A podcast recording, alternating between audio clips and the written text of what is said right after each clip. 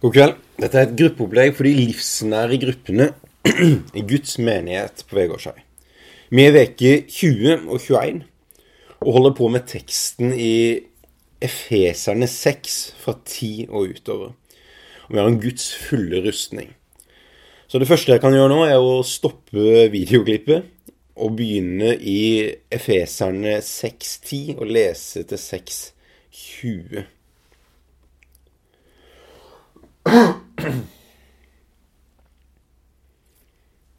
Jeg vil dra fram tre punkt i denne teksten. Det er enormt mye man kan si, men jeg vil prate om åssen Paulus på slutten av dette brevet her ønsker å vekke oss opp. Nummer to er at han presiserer hvem og hva vi slåss mot. Og det siste er at han gir denne praktiske illustrasjonen på åssen vi kan ikle oss Kristus. Og for det første så er det en oppvekker for oss. Og kanskje vi som lever i Vesten, og kanskje føler at dette livet her er mer som en feriekoloni enn det er en realistisk kamp, så trenger vi denne teksten her. Trenger å høre det at når du legger deg om kvelden, så er det faktisk noen som har en dårlig plan for livet ditt. Det er noen som ønsker at din tro skal forsvinne, og at du skal leve et liv som er dårlig for deg sjøl, dårlig for mennesker rundt, og ikke ære Gud. Og for de i Efesos-menigheten så var nok dette en kamp som begynte å bli mer og mer realistisk fra dem. Fra å være en litt eksklusiv gruppe, så hører en fra Og nå er kilden av kirkefedrene at, at på den tida som det her ble skrevet, så begynte de kristne i Efesos å, å, miste jobbene sine. De begynte å ikke kunne være en del av det, av det felleste pengesystemet. Og hvorfor? Det var egentlig veldig rart, på grunn av i Romerriket var du oppfordra til å tro. Alle i Efesos hadde en eller annen tro. Når du bevegde deg inn i en ny provins i Romerriket, så, så, var det første du måtte gjøre, var å, å ofre til, til, guden for denne provinsen. For beskyttelse og for velvilje. Så alle trodde på noe. Alle hadde en gud. Alle hadde en tro på noe større. Problemet var bare at den gjengen her var ekskluderende. De hadde jo en Messias som sa at han er veien, sannheten og livet, og ingen kommer til Gud uten å tro på ham. Og så sa de at Julius Cæsar er ikke den øverste lederen vår. Nei, det står en som er over ham. Og med folk som sa det her, så ble det plutselig en trussel for den fellesoppfattelsen rundt at, at tro på hva du vil, så lenge du er enig med en grunnlinje om at i hvert fall Julius Cæsar er en øverste gud. Han skal du tilbe først, og så kommer alle de andre gudene under det. Som vekker oss opp til at vi står i en kamp. Og kanskje en trenger å vekke oss opp at det står faktisk en kamp om troa vår og om livet vårt. Det er ikke en kamp å skulle si at ja, jeg tror vel at det finnes en gud.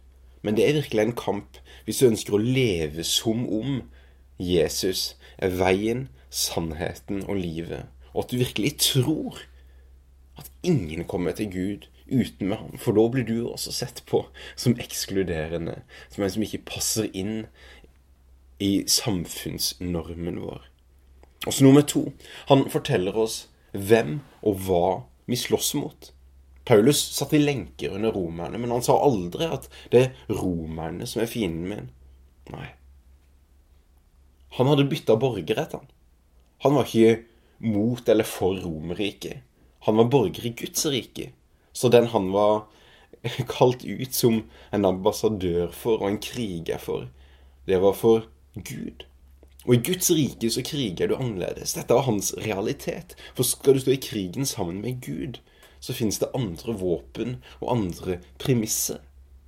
Han var rekruttert i Guds hær. Den krigen er kanskje mer realistisk enn det vi kanskje tenker. I Gammeltestamentet så hører vi om, om Elisha, som eh, driver og forteller om alt eh, fienden skal drive og gjøre. Så fiendene blir jo enormt irritert på ham, og så plutselig så mønstrer de og så kommer og dreper denne fyren. Og så ser plutselig tjeneren til Elisha at oi, nå er det en hær på utsida av byen.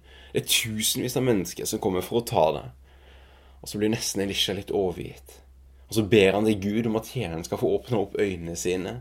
Og så ser nå tjeneren at Oi, Det står òg en hær som er mye større, og det er Guds hær. En englehær som står over den realistiske hæren. Vi trenger å få åpne opp øynene våre for at det er en kamp i omgivelsene våre. Himmelen er ikke bare noe som er noen lysår unna. Det er noe som er realistisk nå. En dag skal himmel og jord forenes igjen. Og fram til det så står vi overfor en kamp. Av det er faktisk noen som har en, en metode.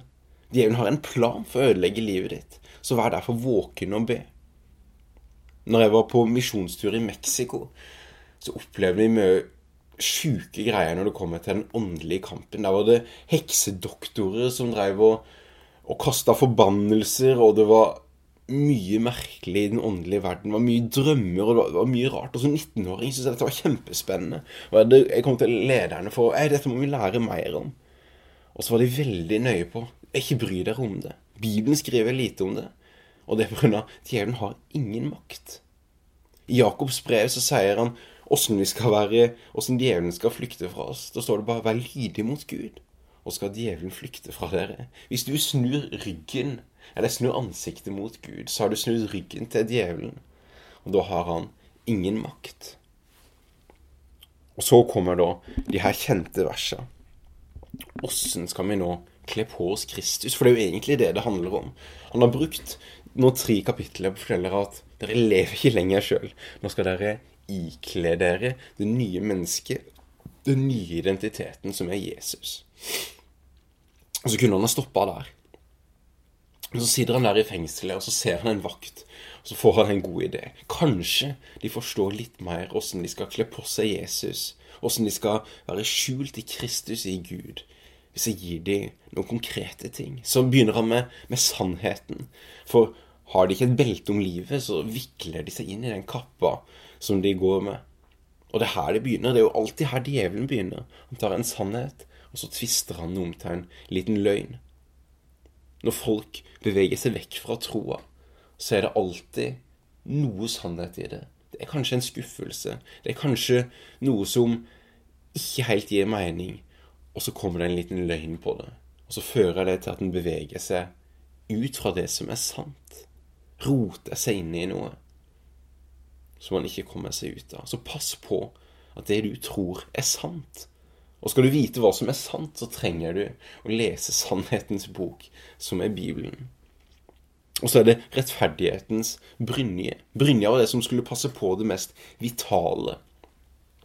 Beskytt det som potensielt kan drepe deg. Du tåler en pil gjennom armen, men du tåler ikke en pil gjennom hjertet eller gjennom lungene. Altså ånden din, pusten din og hjertet ditt som ofte blir sett på som ånd og sannhet, eller livet med Gud og løftene fra Gud. Det åndelige livet og sannhetene. Det trenger du å passe på. Så i Romerne at den rettferdige skal leve ved tro. Og det gjelder òg vårt åndelige liv. For djevelen vil få bort troa som ligger dypt i hjertet vårt. Sånn som når, når, Satan gikk inn på Peter og fikk han til å forråde Jesus, så sier Jesus at 'jeg ba for deg, for at din tro ikke måtte svikte'. Og Jesus ba for det mest vitale for Peter, for troa hans. For Peter svikta, og han fikk kjenne anklagene som et kniv i hjertet, men han, men han døde ikke. På grunn av troa svikta ikke. Og så angra han og vendte tilbake. Og da ble syndene hans tilgitt. Han passa på livet med Jesus, og så passa han på sannheten om at Gud ikke svikter. Og så var det fredens evangelium som skulle ta på føttene sine. Og i Hans åpenbaring, kapittel 12, så står det helt tydelig fra vers 10 åssen Jesus overvinner den onde. Så står det at det var med vitnesbyrdet. Så åssen kan vi ødelegge mest mulig for djevelen rundt oss her og nå? Jo, det å dele vitnesbyrdet og evangeliet. Del evangeliet, sånn at jorda blir fylt av flere små Kristus. Er det ingenting som irriterer Satan mer? Små folk som ligner på Jesus. Sånne ligner på Jesus. Han som avkledde djevelen all makt på korset. Og så vet vi at skal vi virkelig ha fred i den verden vi er i, så kommer den freden fra vår frelsesvisshet, om håpet om himmelen. Om ikke så vil det være en vaklende tro, på grunn av at vi vil få stormer i livet. Og hvis vi da bare ser på hvor mye velsignelser vi har fra Gud i nuet, så kommer troa vår til å svikte. Men om vi har en frelsesvisshet og håpet for det som kommer, så får vi noe vi kan ha under føttene våre, noe vi kan stå på når det stormer. Og så skal vi ta opp troens skjold. Og tro er ikke en teori, det er en handling. Så derfor tror jeg at først så kommer skoene. Først så kommer evangeliet. De gode nyhetene. Det er det viktigste. Og når vi har begynt å, å bruke de, så kommer denne troa. Først frelse, og så tro. Men ønsker du å se åssen det egentlig står til med troa di, så er det bare å se ned. Se på hvor du er på vei hen, åssen du lever, hvilken retning du egentlig går i. For troa vises i handling. Og så kommer vi til frelsens hjelm. For kampen vår, den står i tankene. Paulus sier at han tar hver tanke til fange lydigheten til Kristus. Kampen for ditt liv står i hvilke tanker du, du lar være der, og hvilke tanker du, tanker du bytter de ut med. For å få de tankene som Gud har for deg, så er det Bibelen og bønn som skal få lov til å, å definere hva som er sant. Og så til slutt Åndens sverd, som er Guds ord. Hvordan sto Jesus mot? Det han gjorde, han siterte Bibelen, han visste hva som var sant. Og til slutt, gjør det her i bønn. Og her har jeg opp igjennom hatt en tendens til at jeg har tenkt at bønn er litt som å ta hånda til Gud og så tviste den bak på ryggen hans for å få min vilje. Jeg ber om at Gud skal gjøre det jeg har lyst til å gjøre. Men Jesus lærer oss å be på en helt annen måte. Han sier, 'Må din vilje skje'. Du som er i himmelen, la din vilje skje på jorda sånn som i himmelen. Og da er vi tilbake til det her som Jakobs brev lærte oss. Åssen får vi djevelen til å flykte fra oss? Jo, vær lydig mot Gud. Lydighet er grunnholdninga til en kristen.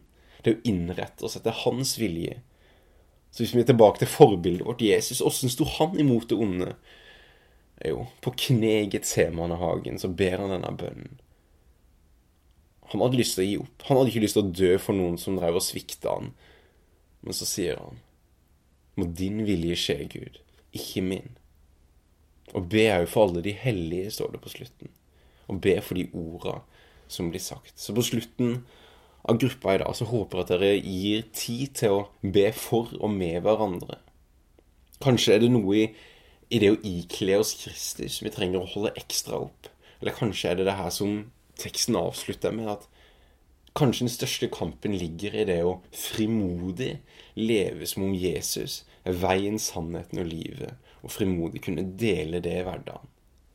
Lykke til.